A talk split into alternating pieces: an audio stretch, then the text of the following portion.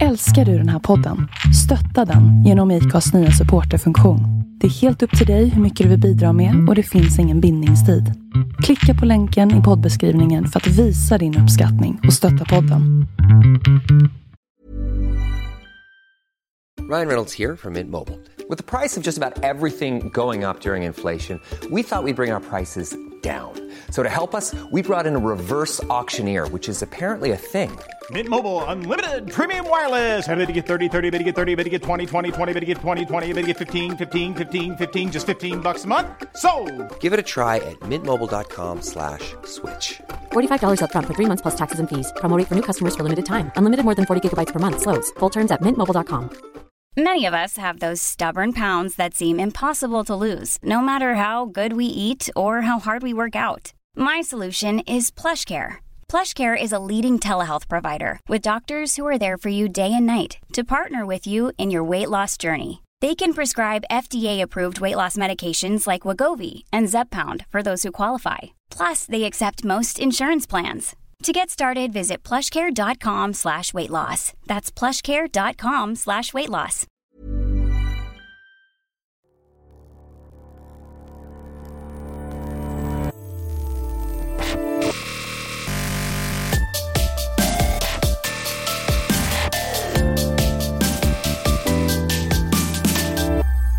Hej och välkomna till Bloggbusiness. En podcast från Better bloggers, Sveriges yrkesnätverk för bloggare och online-influencers. Jag heter Linda Hörnfeldt och är grundare av Better bloggers. Till vardags så bloggar jag på lalinda.se. I dagens avsnitt ska ni få träffa Sara Bäckmo som bloggar på Skillnadens trädgård. Sara hade jobbat som journalist inom public service i många år när hon valde bort ett tryggt jobb eh, för att satsa på sin trädgårdsblogg. Med Saras målmedvetenhet, erfarenhet och eh, struktur lyckades hon skapa ett online-varumärke som idag försörjer henne. Inte bara i pengar utan också i mat.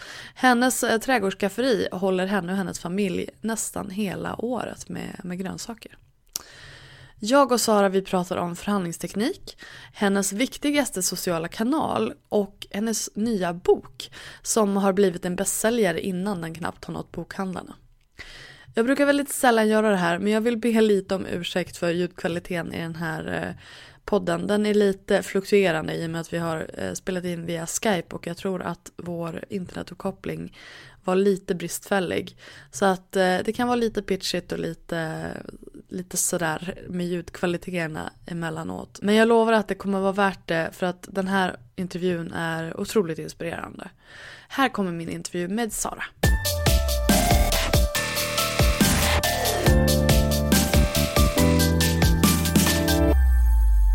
Hej och välkommen till bloggbusiness, Sara Bäckmo! Hej Linda, äntligen! Äntligen så blir det där. Vi har ju pratat om att vi ska podda sen vi träffades första gången. Precis, och jag har längtat efter det. Jag tyckte att det skulle vara jättekul. Ja, men jag med, så det är jättehärligt att det äntligen blir av. Jag sitter ju hemma i mitt, eh, i mitt hem och du sitter hemma i ditt hem och så, får vi, och så gör vi det här på Skype. För... Precis, det är lite teknikens under. Jag är jättenervös för att det här inte ska funka av någon anledning. ja, nej men eh, vi får väl hoppas att teknikens gudar är med oss och motbevisar oss. Eh, så, så kör vi helt enkelt. Eh, men var, var bor du någonstans? Var, varför, varför är du inte här? Jag är inte i Stockholm för att jag bor eh, några mil söder om Växjö. I en pytteliten by som heter Bökebacken. Och vanligtvis så reser jag ganska mycket och håller föredrag och så. Och då har jag försökt att klämma in och träffa dig emellanåt. Mm. Men nu är det så att jag är höggravid. Så att jag reser minsta möjliga just nu. För man vet ju aldrig när det kan komma en bebis. Men alltså, vänta.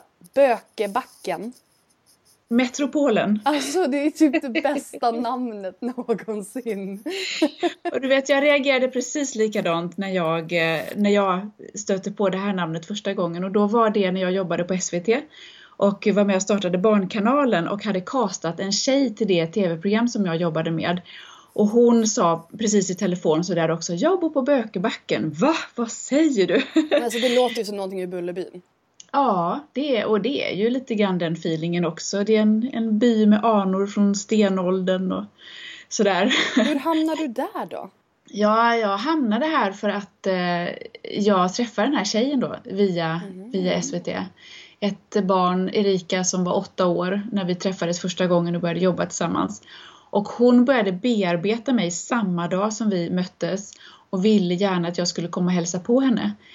Men det finns ju någon sån här eh, magisk eh, uttalad gräns om att man inte åker och hälsar på sådär barn som är medverkande i radio och tv-program för då måste man åka och hälsa på så väldigt många barn. Ja. ja. Men jag gjorde det i alla fall eh, ett, en tid efter att vi hade jobbat tillsammans så ordentligt. Och då ringde hon nämligen och sa att Sara, jag har fyllt tio år och jag har fått en häst kan du inte komma? Och då kom jag och hälsade okay. på henne. Ja, men det fanns ju liksom inga... Hästen var liksom the game changer. Precis. Eh, och det var ändå ganska nära hemifrån. Så att jag, jag pep hit och eh, vi gick förbi det här huset och det var som om hela huset bara sa till mig att Hallå, vi hör ihop. Se mig, älska mig. Ja, och det var ett ruckel och jag blev alldeles superförälskad i huset och köpte det helt enkelt en tid senare.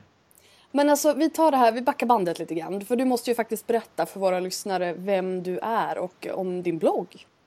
Precis. Eh, och jag heter Sara Bäckmo. Jag brukar beskriva mig som någon form av eh, mediemedarbetare snarare än, än, än den journalist som jag kanske är egentligen. För när man jobbar inom media idag så, så gör man så otroligt många olika saker. Så att det blir så begränsande tycker jag att säga, ja men jag, jag är bara journalist eller så. Eh, men inom det så ryms eh, programledare och redigerare och producent och reporter och, och eh, redaktör och allt, allt som finns liksom inom media. Och på den vägen så har det kommit att bli så att jag har skapat ett yrke av det som har blivit liksom mitt största eh, fritidsintresse, nämligen att odla grönsaker. Så att jag har kunnat eh, hitta sätt att leva helt enkelt på det. Eh, via den här bloggen kan man säga. Som heter Skillnadens trädgård. Jag tycker att det är, alltså hela din historia som jag då, för vi träffades när du skulle då börja blogga på land och jag var eh, Eh, konsult för dem och eh, vi liksom hjälpte till med eh, just det här bloggeriet. Och eh, du hade ju verkligen så här, en väldigt tydlig bild för vad, vad du ville göra med din blogg redan innan du hade börjat. Japp. Kan du inte och jag kommer, ihåg, det? Jo, jag kommer ihåg det för det var så speciellt det första mötet med dig för du sa då så här att men du har gjort precis tvärtom mm. all, vad alla andra har gjort. Ja. Eh, och det har jag aldrig tänkt på i, i de banorna men, men sen du sa det så har jag verkligen funderat på på det och tänker att det också har varit nyckeln till tror jag att jag har gått, att jag har gått så bra, att jag kan liksom leva på det. Eh, och det som hände då det var ju att ehm, Alltså för, för att börja riktigt från början så har jag varit oerhört skeptisk till alla typer av sociala medier. För jag har varit eh, en sån här public service-räv.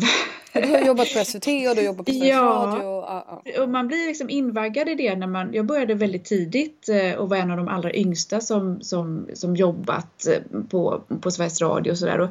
Så att jag är skolad i det här liksom i allmänhetens tjänst-tänket. eh, och, och, och, och, inte liksom Eh, ingen reklam och inte skjutsa ut sitt eget budskap utan det finns där liksom i de här ramarna som har satts upp av SR och SVT och så. Mm. Så att eh, det som hände sen när sociala medier slog igenom ordentligt det var ju att jag mer eller mindre blev tvingad av min arbetsgivare eh, när jag jobbade med ett program som jag hade startat som heter Junior i P4 som, som är, det är Sveriges största, mest avlyssnade radioprogram med två miljoner lyssnare varje lördag. Eh, och jättemånga eh, alltså unga människor då som, som handskas med det här programmet då, och delar material och så. Och jag var helt utestängd från alla sociala medier, visste inte vad som hände. Det är lite jobbigt. Ja, det var jättejobbigt för samtidigt så var det, äsch jag hade ju bestämt att det skulle vara så. Mm. Så att när Sveriges Radio kom och sa att du måste skaffa ett konto. Eh, då hade jag liksom bara att välja mellan det eller att stå utanför. Eh, och jag valde att okej, okay, jag skaffar väl ett Facebook-konto. Det var så här, jag var alldeles darrig. Och, eh, och då tänkte jag så här att eh, okej okay, om, jag ska, om jag ska fatta vad, vad min målgrupp gör för någonting så måste jag lära mig handskas med det här. Så då bestämde jag mig för att jag skulle dela en grej i mitt flöde varje dag. Men jag ville inte göra det, eh, liksom de här privata, eh, alldeles för nära sakerna. Så att då började jag att dela trädgårdsgrejer. En trädgårdsgrej, supernördig trädgårdsgrej varje dag. i mitt privata flöde från den trädgård som jag höll på att bygga enligt en väldigt eh, eh så, specifik form. Och sen bara tuffade det på, så alltså plötsligt var det massa människor som läste i mitt privata flöde. och, och, så var jag alldeles såhär, vad är det som händer? Och då eh, hade jag jättestor nytta av mina kollegor som, som är webbredaktörer och det ena med det tredje. För att då börjar folk liksom fråga sig, ja, men ska, inte du, ska, ska inte du starta en blogg? Och så tänkte jag att det är klart att jag ska ha en blogg, det måste jag göra då för de här trädgårdsgrejerna. Men då var det en smart rackare som sa att nej men du, eh, det är ganska svårt att nå ut med en blogg i dagens surr. Du kommer antagligen ha svårt att hitta liksom rätt eh, design och få, för du är kräsen, du vill att det ska se ut på ett visst sätt och så. Så att skapa en Facebook-sida istället, sa hon, Karin. Eh, då har du lätt att nå ut med, med budskapet och det är lätt för följare att hitta och sådär. Då gjorde jag det och sen bara poff sa det. Och, så, och sen var jag halvvägs liksom. Och sen startade jag bloggen efter det. Och sen kunde jag sälja bloggen vidare då eh, till en kund som kunde betala så pass mycket att jag har råd liksom att, att leva på det då. Så det är en, så gick det till. Alltså det är så himla spännande just det här att, ja men som, som jag sa till dig att för när du kom in och sa att okej okay, nu ska vi starta den här bloggen. Eh, du hade en väldigt tydlig strategi, du visste hur du skulle göra och du var väldigt så här, även om du inte hade koll på alla sociala medier så var du väldigt eh, målmedveten och visste vad du skulle använda allting till. Liksom. Alltså du, du ville lära dig och du visste varför. Ja, så var det. Men alltså startade du bloggen då ändå innan du började på land och sen flyttade du dit eller? Ja, precis så var det. För att då hade jag ju jobbat upp, jag vet att när jag eh, jag, jag kommer inte ihåg om jag hade kanske 1500 följare eller så på Facebook. Mm. Eh, och då startade vi bloggen. Eh, då byggde jag den tillsammans med en, eh, en tjej som jobbar som webbredaktör så att jag kunde få den precis sådär så som jag ville ha. Då hade jag en publik från, från sociala medier som så att säga flyttade med. Mm. Och som tyckte att det här var jättebra med bloggen och det var lätt att strukturera upp grejen och så. Och då, då, då hängde ju de på liksom. Och sen när bloggen växte under, ja det var, det var bara under sju månader och sånt där tror jag. Ehm, nej det var ett, ett år och sju månader kanske innan jag sålde den vidare sen då till till en kund så att säga, då hann ju bloggen växa väldigt med draghjälp av de sociala medierna.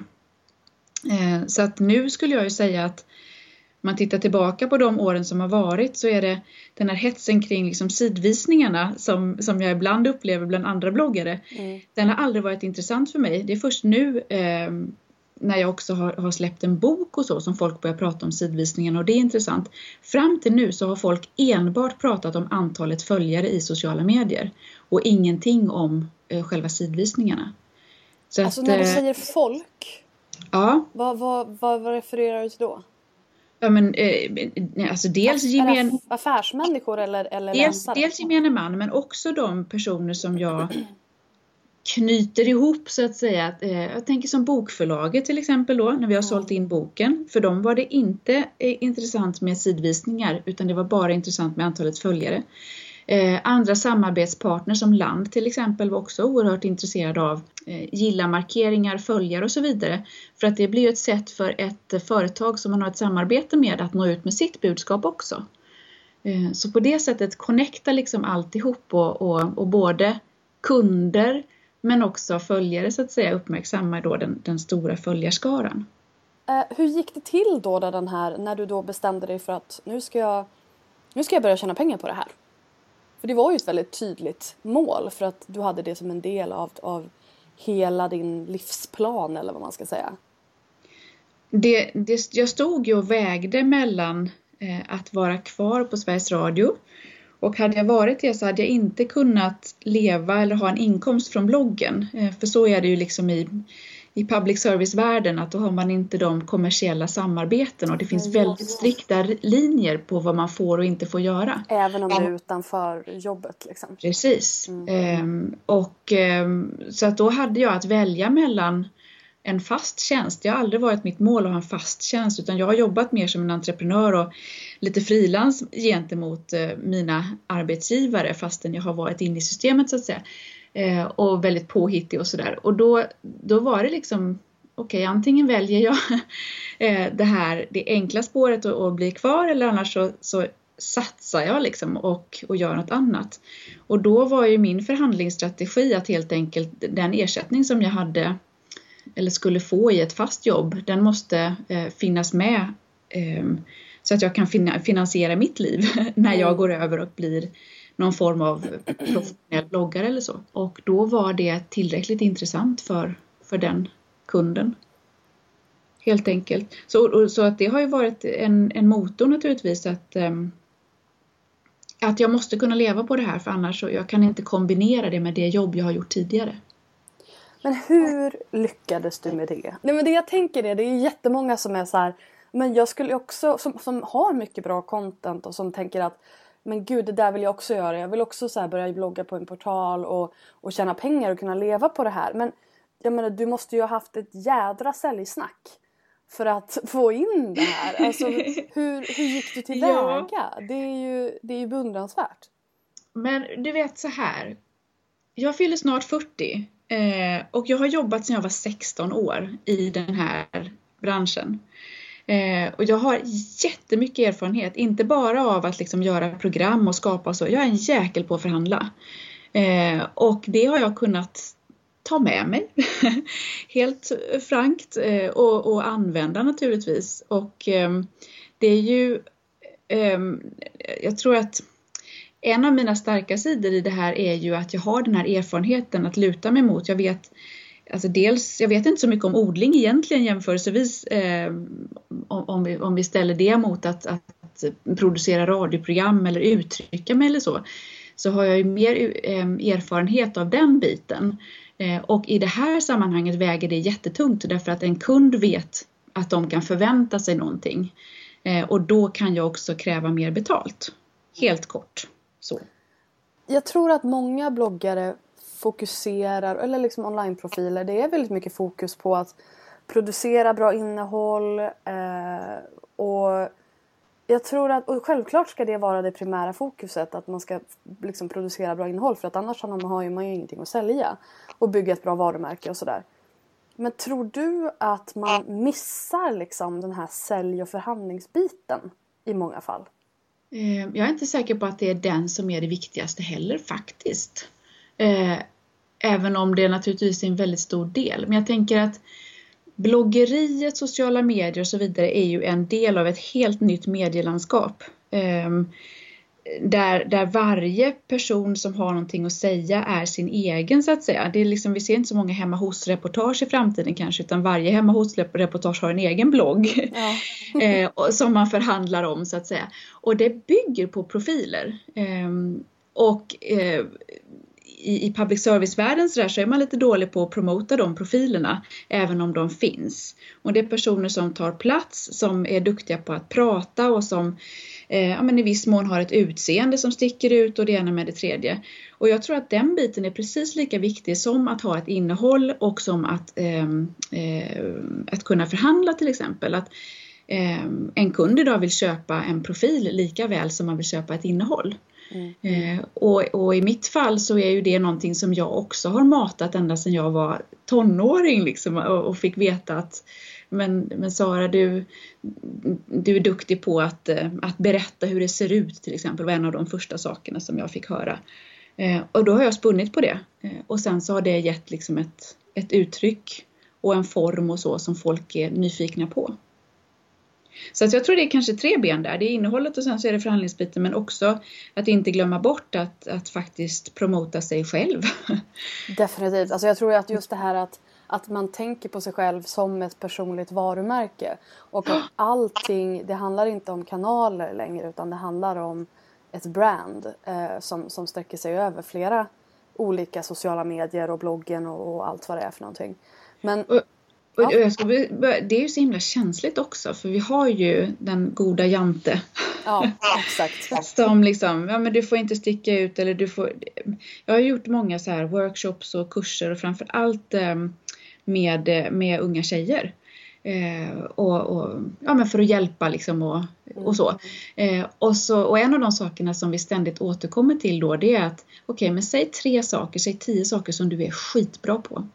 Och de allra flesta klarar inte av att göra det, för man tycker att det är pinsamt liksom. Och, ja, man ska stå lite grann i skymundan och sådär. Och det är ju jätteviktigt att veta vilka de starka sidorna är.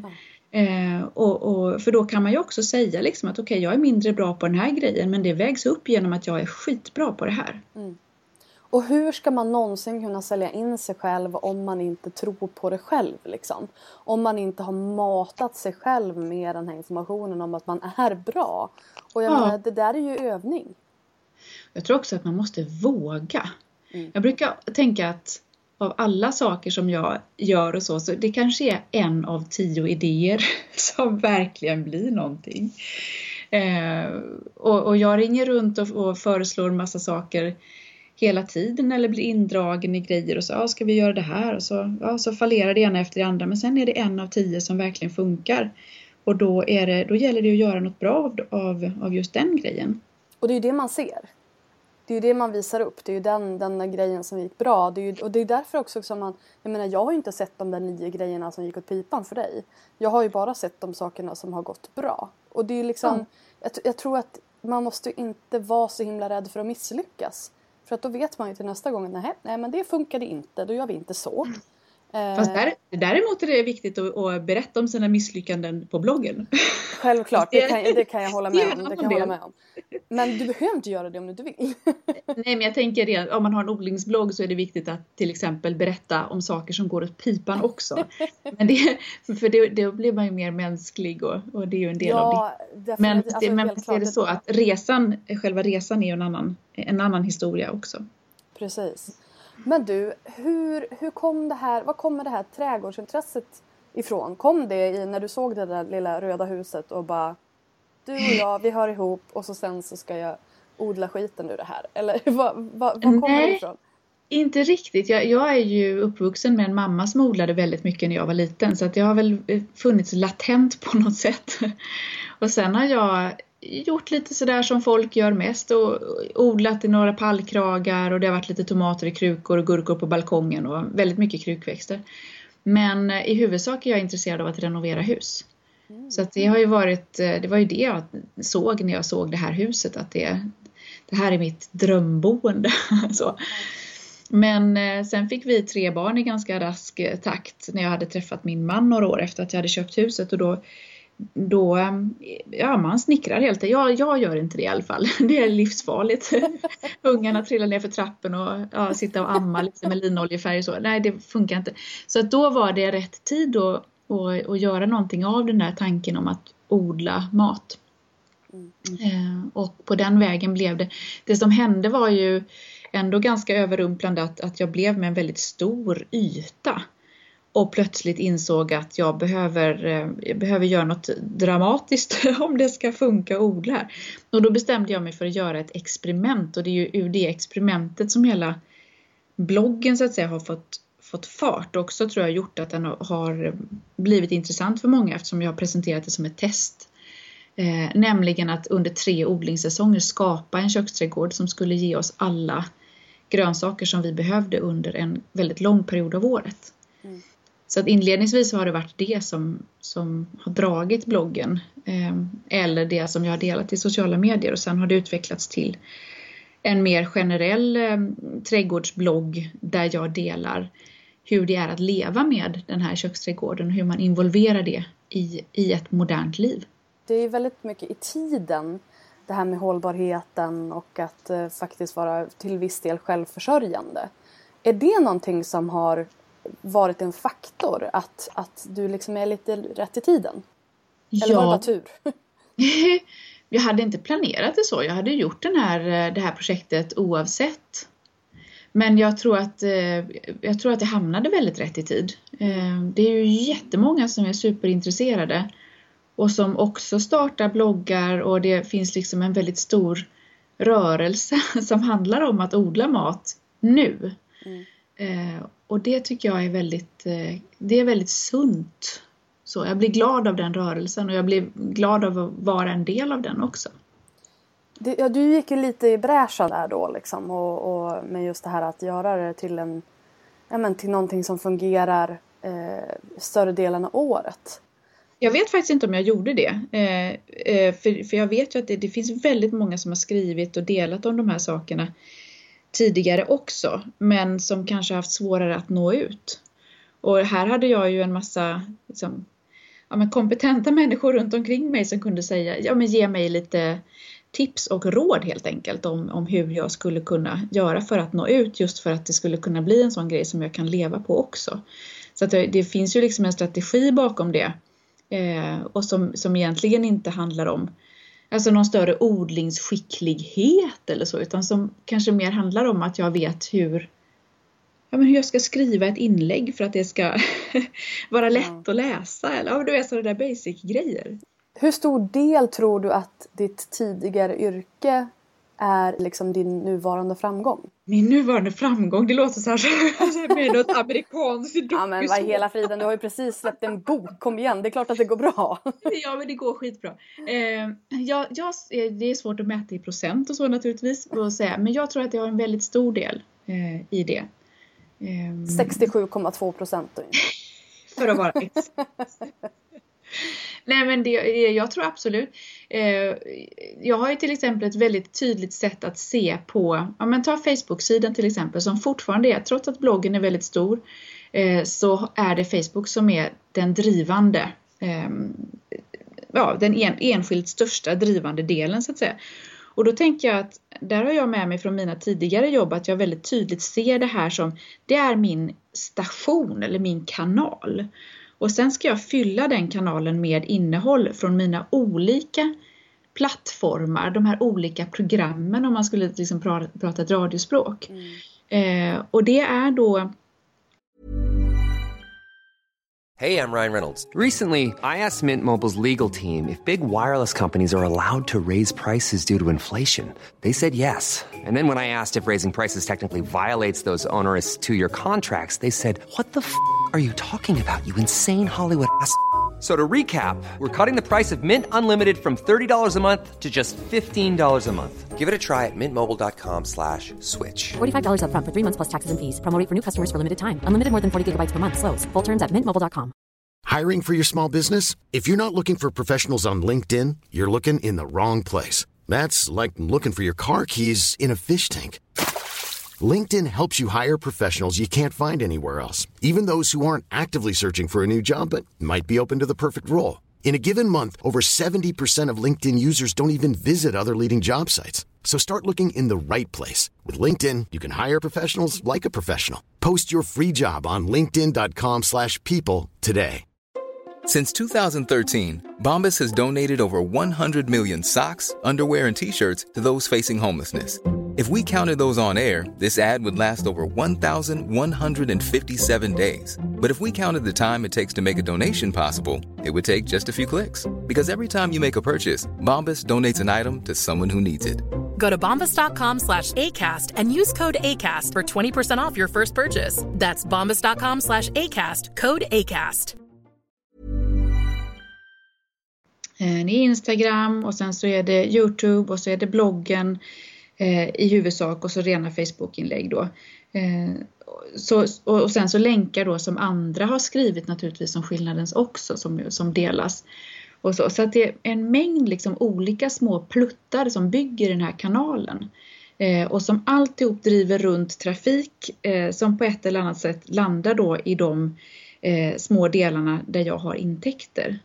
Eh, och det sättet att tänka tror jag har varit väldigt viktigt för att jag ska kunna leva på det också. Att, eh, att bygga ett intressant innehåll från många av de här olika delarna som inte bara är bloggen utan som är alla de här olika små, små delarna. Det här är din innehållsstrategi? Liksom. Ja, kan man säga. Mm. Och där tycker jag, eh, jag skummar ju rätt mycket liksom runt och kollar hur andra gör och så. Såklart. Såklart. Och det, det tänket tycker inte att jag ser på liksom de, de stora bloggarna. Så här. Det finns ju väldigt många riktigt stora bloggar som har ganska få följare på Facebook och som har ganska liksom, liten aktivitet där. Mm. Få som gillar inläggen, väldigt få som, som kommenterar, delar och så vidare utan det är mer en kanal för att bara plutta ut grejerna. Ehm, och det, då... tror jag, det tror jag väldigt många gör. Hur, hur, skulle du säga att Facebook är din liksom primära kanal även över bloggen? Ja, absolut för 17 gubbar. Jag vet när du och jag träffats så har vi tittat på statistik till exempel och det är ju jätteintressant och jag är inte så bra på statistik men jag följer och, och gör min så, jag håller koll på det. Ja. Och då vet jag att du hajar till just inför sociala medier, Facebook-delen av kakan så att säga. Mm. Och jag har ju alltså mellan 50 och 70 procent av mina, min bloggstatistik besökare kommer från Facebook. Och det är enskilt min, mina följare alltså från, från Skillnadens trädgårds som driver då eh, dit. Tror du det beror på att du började med Facebook innan eller beror det på målgruppen som finns där eller vad tror du att det beror på? Gud, jag vet inte riktigt. Jag är inte säker på nu att det har så stor betydelse det som jag gjorde för, för kanske fyra år sedan även om det är en väldigt stor del av den målgruppen som fortfarande finns kvar. Men jag, ah, tänker, för jag tänker åldersmässigt. Det är en jättesvår fråga. jag tänker åldersmässigt så, så är ju kanske den liksom odlingsintresserade generationen eh, mer på Facebook än vad kanske den yngre generationen som kanske hänger med på Instagram eller Snapchat eller så. Jag tror att hade jag haft en yngre målgrupp då hade jag anpassat de sociala medierna efter det. Då hade jag kanske inte kört lika hårt på Facebook. Nej. Eh, utan utvecklat på annat sätt också. Men det är, väldigt, det är väldigt intressant. Det bevisar ju hur viktigt det är att ha en strategi för sina sociala medier. Mm, absolut ja. Och där tror jag också, för att dra liksom paralleller till tidigare erfarenheter och så, det här med att det, att det finns, jag vet en annan sak som du kommenterade när, när vi träffades förra gången, det var ju det här liksom, jaha, så du har körscheman, sa du? Ja. Oh, gud så typiskt. Um, men, men det är fullständigt naturligt för mig med, med min värld. Liksom, du får förklara finns... vad ett körschema ja, är, det är inte alla som vet det. Ett, ett, ett körschema är helt enkelt ett ganska detaljerat schema för hur saker och ting eh, struktureras upp. Ett program, ett radioprogram till exempel, har på sekunden hur lång en jingel är eller hur lång en nyhetssändning är och så vidare. och Så vidare. Så då bygger man upp ett helt schema som kan vara flera A4-ark långt. Mm. Eh, där det står de här hållpunkterna då. Och jag har körscheman där det står och där jag planerar exakt vilka videoklipp jag ska göra, exakt vilka blogginlägg och hur jag synkar dem med varandra och så. Eh, och eventuellt också synkar med andra sociala medier och så. Ehm, och då blir det också väldigt enkelt för mig att, ehm, att sno ihop det här, den här kanalen som jag pratade om då mm. med innehåll från olika delar som, som, som synkar med varandra och hela tiden matar och föder varandra. Och det är klart att de sakerna är ju, är ju jätteviktiga. Jag vet att jag träffade några eh, vänner som är kring 50 plus eh, och som, som också har Facebook-sidor men inte alls vet hur de ska använda dem. Och så satt vi och pratade och sa, men så kan ni göra så här och så här och så kan man skriva ett inlägg så här. Ja, det, det testade jag på en gång så. Vänta, jag ska bara lägga ut det. Åh! Så jag stopp, du lägger väl inte ut någonting innan du har tänkt igenom. Eller, för det finns ju inte med i planen. Det gör väl inte så mycket, så hon. Och jag bara, men gud, det är ju sökbart. och så blev man alldeles sådär. Ehm, så det tycker jag är skitviktigt. Lika, lika väl som man aldrig skulle dra upp regeln i, en, i ett radioprogram och bara bröla ut någonting så gör man inte det i sociala medier heller. Men jag tycker det är så spännande att du har, hur, hur lång tid innan har du då en plan? Eh, för blogginläggen gör jag en plan ungefär en vecka. Mm. Eller veckovis då. Men det är också, eh, den, är ju, den är ju föränderlig så att jag kan ju, det är inte så att den är huggen i sten, det beror ju också lite på vad som händer. Eh, och jag gör ju också allt det här samtidigt som jag eh, gör en massa andra saker. Jag är hemma med mina barn och sådär och, och blir vi sjuka så, så är det, då är det bloggplanen, då ryker ju den. Ja. så att, ehm, men, men veck, veckovis gör jag eh, och sen har jag ju schema för hur jag delar allting i sociala medier tänker länka till Youtube och alla sådana här saker då så att jag ska återkomma på med snygga intervaller och, eh, och allting sånt där. Delar du samma sak flera gånger? Ja, det gör jag. Hur tänker och du där? Där, ja. en fråga jag var inte riktigt beredd på. Men jag, jag har ett tänk naturligtvis. Eh, och eh, jag understödjer det med, min man läser väldigt mycket om sociala medier. Det är jätteroligt. Så att vi bollar mycket om det här. Jag säger eh, inte att det är fel, absolut inte. Utan nej. bara intressant eh, och han, och han, han följer väldigt många eh, som stora internationella eh, personligheter inom ett helt annat område så, men, men tar del liksom av deras erfarenheter. Eh, och där är det ju eh, Ja men många som har riktigt stora sidor återanvänder en stor del av bloggmaterialet och jag har ju en blogg som har ett, en typ av innehåll som går att återanvända. Mm. Så att nu när det är vår till exempel eh, och jag sår rädisor så ser jag ingen anledning att skriva ett separat eh, och alldeles nytt inlägg om hur jag sår rädisor på tre olika sätt. För jag har redan ett sånt och då pytsar jag ut det och då driver det trafik till bloggen och då kan jag skriva ett annat inlägg, ett mer spetsinriktat inlägg om rädisorna och vilka som angriper rädisornas blad till exempel.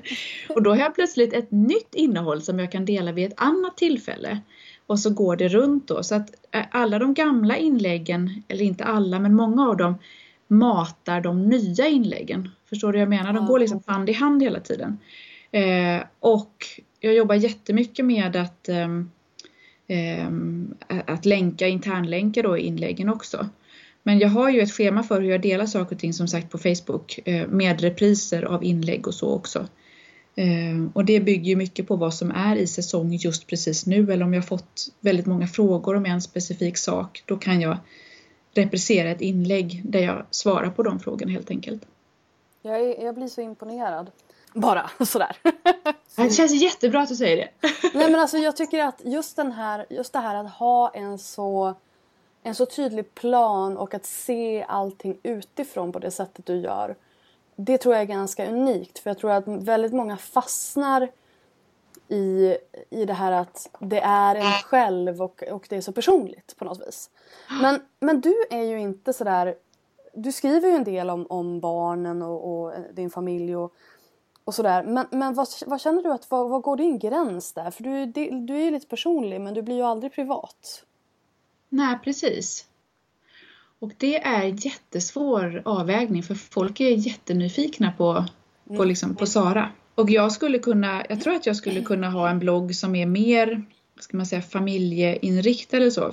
Folk är nyfikna på Sara, de är jättenyfikna på hur min man och jag har strukturerat upp vardagen tillsammans med barnen och hur vi får tid att vara tillsammans med barnen och barnuppfostran och sådana saker. Ehm, men där är, det är svårt därför att där är, det är liksom en integritetsfråga eh, som rör ju inte bara mig utan också min man och han är psykoterapeut. Mm. Så där har vi haft väldiga liksom, samtal för att jag ska veta, han kan inte vara eh, privat eller ens nära liksom. Eh, för att det blir jättekonstigt om hans eh, klienter skulle läsa eller så. Eh, så att det är ju helt omöjligt och dessutom har jag väldigt svårt för att liksom outa barnen. Mm. Eh, jag vill att de ska finnas med i det här på sina villkor och vara precis så skitiga och leriga som de är. De ska inte behöva vara regisserade eller sådär. Um, så att det är, det är, en, det är en lite svår avvägning um, faktiskt. För att jag vet att jag har fått en del kommentarer om någon gång jag skrev om mitt hår, för jag är ju rakad, jag har rakad skalle och haft sedan jag var 20. Då var det så här, Eh, där min man eh, upptäckte att det som googlades mest i samband med mitt namn, det var cancer. Så att folk googlar och för att kolla om jag har cancer och om det är av den anledningen som jag inte har något hår. Och då kändes det väldigt angeläget att helt enkelt säga att, att eh, stopp, stopp, stopp, jag har det här för jag tycker det är fint. Mm, mm. Eh, och det blev förra årets mest lästa inlägg och det har ju ingenting med trädgård att göra. Men när jag delade det då, fick, då var det också en eller två män som hörde av sig och sa att det här har ju ingenting med trädgård att göra, vad tänker du med? Och jag tror inte att just de är representativa liksom, eh, på det sättet men, men, eh, men det är ändå en liten hint om, jag har funderat mycket på hur, hur nära ska man gå och sådär. Så att jag försöker att allting jag skriver på ett eller annat sätt ska ha, ska ha med trädgård att göra. Och eftersom trädgården också är väldigt förknippad med, det är liksom det är vårt hushåll, det är navet på något sätt i hela vår eh, verklighet som finns där. Den betyder väldigt mycket för hela familjen. Så är det inte så svårt att göra de kopplingarna heller. Men tror du att du skulle ha mer läsare om du var mer personlig? Ja, alla gånger. Eh, så att det är ju, och det blir det svårt därför att eh, fler läsare skulle ge mer intäkter till exempel. Eh, och, men jag tror också att jag just nu kanske har större nytta så att säga av, av eh, att vara eh, ha en trädgårdsprofil så snarare än en allmän tycka till person. För det finns ganska många av de allmänna tycka till personerna.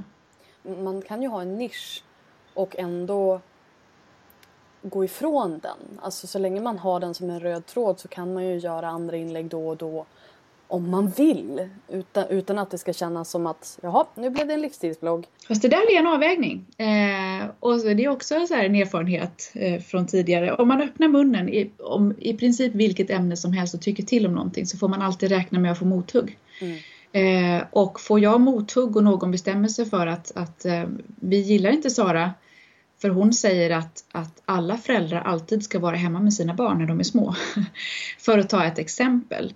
Eh, så då skulle det försämra eh, mina möjligheter så att säga att nå ut med mitt budskap som egentligen inte handlar om att föräldrar ska vara hemma med sina barn utan som handlar om att föräldrar ska odla tillsammans med sina barn. eh, och då, då tycker jag att jag förlorar en del av poängen så att säga med, med mitt arbete. Och då tänker jag att då finns det andra personer som, som mycket bättre driver den frågan. Eh, och så kan jag göra inlägg ibland där jag berättar hur, hur vi resonerar kring vissa saker. Men in, utan att sticka ut hakan liksom och drämma en kavel i huvudet på någon som, som tycker annorlunda. Jag, jag håller med dig, men jag menar man kan ju ha en personlig blogg utan att bli en, en, en debattör. Liksom. Man behöver ju inte, som du säger, komma med den där brödkaveln bara för att man är personlig. Eh, så att säga. Men det är klart att, ja, alltså jag tycker bara att jag tror också att det är, det är också svårt för att det beror lite på vem man är och mm, hur man uttrycker. Och jag har ett, ett väldigt, väldigt klart liksom, sätt att uttrycka mig. Och det i kombination med en rakad skalle och massa tatueringar och hela, då blir det liksom, eh, det tolkas på ett visst sätt. Eh, och det är ju någonting som jag har lärt mig att att jag kan ha svårt att uttrycka mig sådär ödmjukt om vissa saker och då ibland är det bättre att hålla klaffen helt enkelt. På grund av att folk har förutfattade meningar om dig på grund av ditt utseende? Ja men att det, precis, att det blir saker och ting det föder varandra. Eh, det där tycker jag är väldigt spännande för att just det här att, som du säger, som du säger om, om din frisyr och sådär, så har du ju inte det här typiska tåta runt i trädgården utseendet eller vad man skulle kanske, alltså du känns ju inte så ernstig liksom. Nej. Eh, så, så tycker du att, har det här varit en bra sak eller en dålig sak för ditt varumärke nu när du har börjat, eh, ja men nu med boken och att du har börjat få ett, ett stort varumärke inom trädgård? Du tänker utseendemässigt? Ja, för du sticker ju ut. Så det kanske är någonting som är rent positivt? Eh, det tror jag eh, att det är. Jag tror att det hade varit svårare att slå igenom på det sättet om man tänker om jag hade varit en person som alltid hade gått runt i arbetskläder till exempel. Mm. Eh, och haft det som min stil att när jag intervjuar så har jag alltid arbetskläder. Eller om jag är ute och föreläser så har jag alltid. Men jag är ju en person som har jag har arbetskläder på mig när jag jobbar och är jättesmutsig och snorig och dan. men, men när jag går till mitt jobb eh, där jag är tillsammans med andra människor så vill jag se fin ut och jag, vill, jag tycker jättemycket om att sminka mig till exempel. Mm. Eh, och tycker att det är, är, kul att ha fina kläder och, eh, och så. Och, eh, och den sidan vill ju inte jag slipa bort heller. Eh, och jag vill heller inte det har ju varit en sak som återkommit också under alla de här åren att ehm, en, en del har tyckt att men nu kan ju du sluta jobba och, och, och, bara liksom försörja familjen med grönsaker, att det är ditt jobb att odla grönsaker.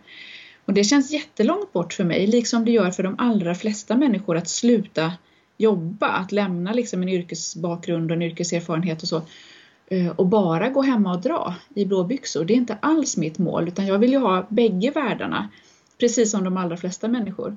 Och om jag skulle lämna den ena världen och bara gå hemma så skulle inte mitt jobb bli intressant heller för någon att, eller för, för den större massan att odla.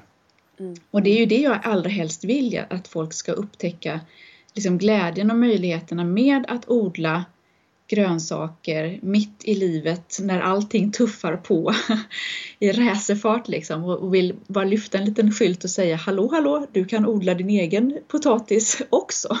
Man behöver kanske inte ha din ambitionsnivå på det hela, liksom att nu ska vi vara självförsörjande utan man kanske kan plocka lite russinen ur kakan också. Ur Precis. det som du skriver om.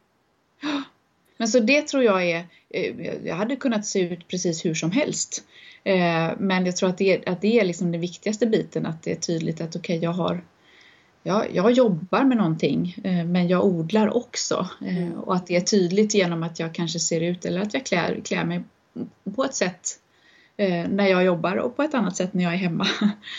Men jag vet inte hur mycket som sitter i håret. Vad är det du jobbar med idag? Hur, ska, hur definierar du ditt, ja. ditt jobb? Eh, jag definierar mig fortfarande som en mediemedarbetare då eh, och jag räknar till mitt jobb allt det som jag får en intäkt för. Ehm, kronor och ören helt enkelt. Och då handlar det dels om bloggen som är den, den del av mitt jobb som jag får mest ersättning för. Och utöver det så skriver jag eh, artiklar i tidningen Land eh, och bloggen ligger också under Lands hemsida. Och sedan köper Land videoklipp till sin Play-kanal och de här videoklippen de dubbelpubliceras också på Youtube. Och det får jag också ersättning för då. Eh, sen föreläser jag om trädgården och jag skriver krönika i vår lokaltidning och jag skriver böcker. Så att jag har precis kommit ut med första boken om Skillnadens trädgård. Ja, berätta om eh, boken! Ja, boken! Eller, och så bara säga det fler? Och sen, så är det, och sen är det en uppföljare på gång också som vi oh, håller på att jobba med nu då. Spännande. Så att eh, det, det är mina ben kan man säga som mm. jag rent inkomstmässigt står på. Och sen är det in, jag får ingen ersättning för att odla trädgården. Det är ingen som betalar mig för att odla utan det gör jag på fritiden och sen skriver jag om det jag gör. Så att säga. Det, ja. blir ju, det blir ju, den är ju liksom nödvändig för att du ska få de andra intäkterna. Precis. Så det så, blir ju ändå en del av jobbet, eller du tänker inte så? Eh, jag, jag har ju väldigt tydliga arbetstider för att det ska funka med familjen. Och då under de arbetstiderna så jobbar jag inte med trädgården utan då, det är bara skriva, skriva. Eh, mm. Eventuellt spela in någonting och då kan det vara något moment där som jag behöver göra. Men, men det är en väldigt liten del.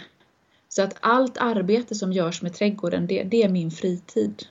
Precis så som de allra flesta odlar sina trädgårdar. Berätta om mm. boken, hur kom det sig? Att det blev en bok eller att den sålde bra? Vi kan börja med att det blev en bok.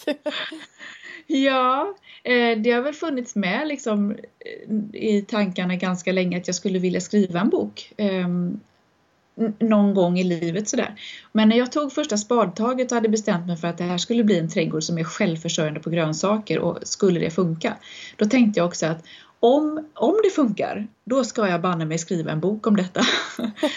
och, sen, eh, och sen funkade det och så blev det en bok helt enkelt. Om det var så enkelt. var det du ja, som det pitchade in var... den eller var, det, eller var det någon som kontaktade dig? Eh, både och faktiskt. Det har varit oerhört, eh, det har varit en sån Törnrosa, eller en sån prinsessaga. Men vi hade, vi hade möjlighet att välja eh, precis det förlag som vi ville arbeta med eftersom eh, det var så många som hörde av sig helt enkelt ehm, med, med förfrågningar när vi hade skickat in synopsis och sen utöver det så har alltså de stora drakarna hört av sig också. Så att vi har varit väldigt eh, lyckligt lottade och varit säkra på att vi har en ganska bra story att berätta också. Jag kommer så... tillbaka, din, din liksom, ja men alltså ditt businesshuvud. Ja, mm. kan man säga. Mm. och det är ju jätteroligt. Ja, verkligen. För alla de där bekräftelserna då på att, eh, att det funkade den här gången gör ju att det blir lite lättare också inför nästa gång som man ska. Man har lite mer, eh, får lite mer kraft och energi naturligtvis när det har gått bra. Hur lång tid tog det att göra den? Eh, nu ska vi se här då. Eh, 2014 sålde vi in idén på hösten. September eh, och sen var manus inlämnat september 2015 och sen nu släpps den då, har precis släppts eh, i mars 2016. Och det har ju gått ganska bra. Så Ja, här, så här från början. Berätta. Det är helt eh, det är helt galet. Jag blir så här mållös och vet inte vad jag ska säga. Men det, man har ju alla möjliga föreställningar om och eh, tvivel och du vet hur ska det gå? Många av sakerna som man gör ett blogginlägg det är ju ändå ganska det kan man ju radera. Ja. Boken den är där den är. Den är där den är och liksom 3000 ex eller vad det nu är för någonting och, och sådär. Bara, nu finns den här och sen så bara går det en vecka efter att den finns i butik och sen är den slut. Det är, Det så roligt. Ja, det är jätteroligt. Eh, och ja, jag vet inte hur jag, vad ska, jag känner mig oerhört liksom, ödmjuk och eh, fnittrig. Det kommer fler, det kommer en andra upplaga, eller hur? Det är, eh, det, det, det är nytryck på gång då. Eh, så Men att alltså det, bara det, att nytrycka efter en vecka liksom. Det är ju det är ganska Ja. bra. det är alla väldigt eh, förvånade över och det där ska jag också säga då eh, att det som förlaget anger som liksom den största anledningen till att det blev så är, hör och häpna, de sociala medierna. Så att, och det var ju också någonting som vi har pratat jättemycket om då, förlaget och, och, och jag och Maria som har gjort boken tillsammans. Ehm, liksom ja, vilken nytta vi kan ha av det och hur det ja, hur, hur man gör och så. Och då är det inte sidvisningarna igen som har varit det centrala utan det har varit de andra. Alltså följare på Facebook, följare på eh, Instagram till exempel och, och så. Och det ser man nu, ett, ett resultat av det nu. Nej men jag tänkte att vi ska börja avrunda men först så vill jag ha dina tre bästa business-tips eh, om man vill bli en, eh, vill göra business på sin blogg eller på sitt online-varumärke. Ett, ett förhandlingstips som jag gärna delar med mig av då, det är att alltid eh, förhandla sig till en lite högre ersättning än den man hade senast. Eh, så att aldrig gå lägre än det man hade senast och det kan handla om att man lägger sig bara några kronor över eller så, men alltid vinna den liksom. Även om det inte är samma liksom, beställare eller samma kund Ja. utan bara att man Alltid, Trumfa sig själv. alltid, alltid, alltid förhandla upp. Mm.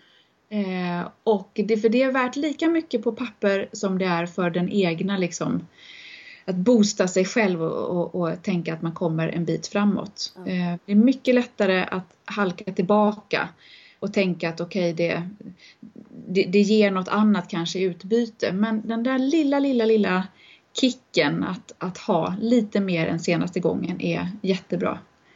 Så det tycker jag att man ska satsa på. Eh, sen det här med som du själv nämnde med material att återanvända. Eh, och det görs ju inom alla typer av medier. Vi repriserar bra innehåll. Och där tycker jag att, eh, att, att man kan gå igenom sin, sin blogg eller sina inlägg eller bilder eller så med jämna mellanrum och titta vad, vad funkar eh, och vad skulle vi kunna återanvända. Och sen är det ju de, alltså, de, de andra sociala medierna utöver bloggen. Att faktiskt satsa på att, att jobba upp dem. Eh, för att de är oerhört viktiga och kan, kan driva mycket trafik helt enkelt. Tack snälla Sara för att du var med i Bloggbusiness. Tack för att jag fick vara med, det var jätteroligt. Du har precis hört ett avsnitt av Bloggbusiness, en podcast från Better bloggers. Podcasten hittar du såklart på iTunes och på bloggbusiness.se. Vi finns även på Facebook, på Twitter och på Instagram, at betterbloggers. Lämna gärna en kommentar med vad du tyckte om intervjun eller kanske lämna ett önskemål om en framtida gäst. Tack för att du har lyssnat. Ha det bra. Hej då.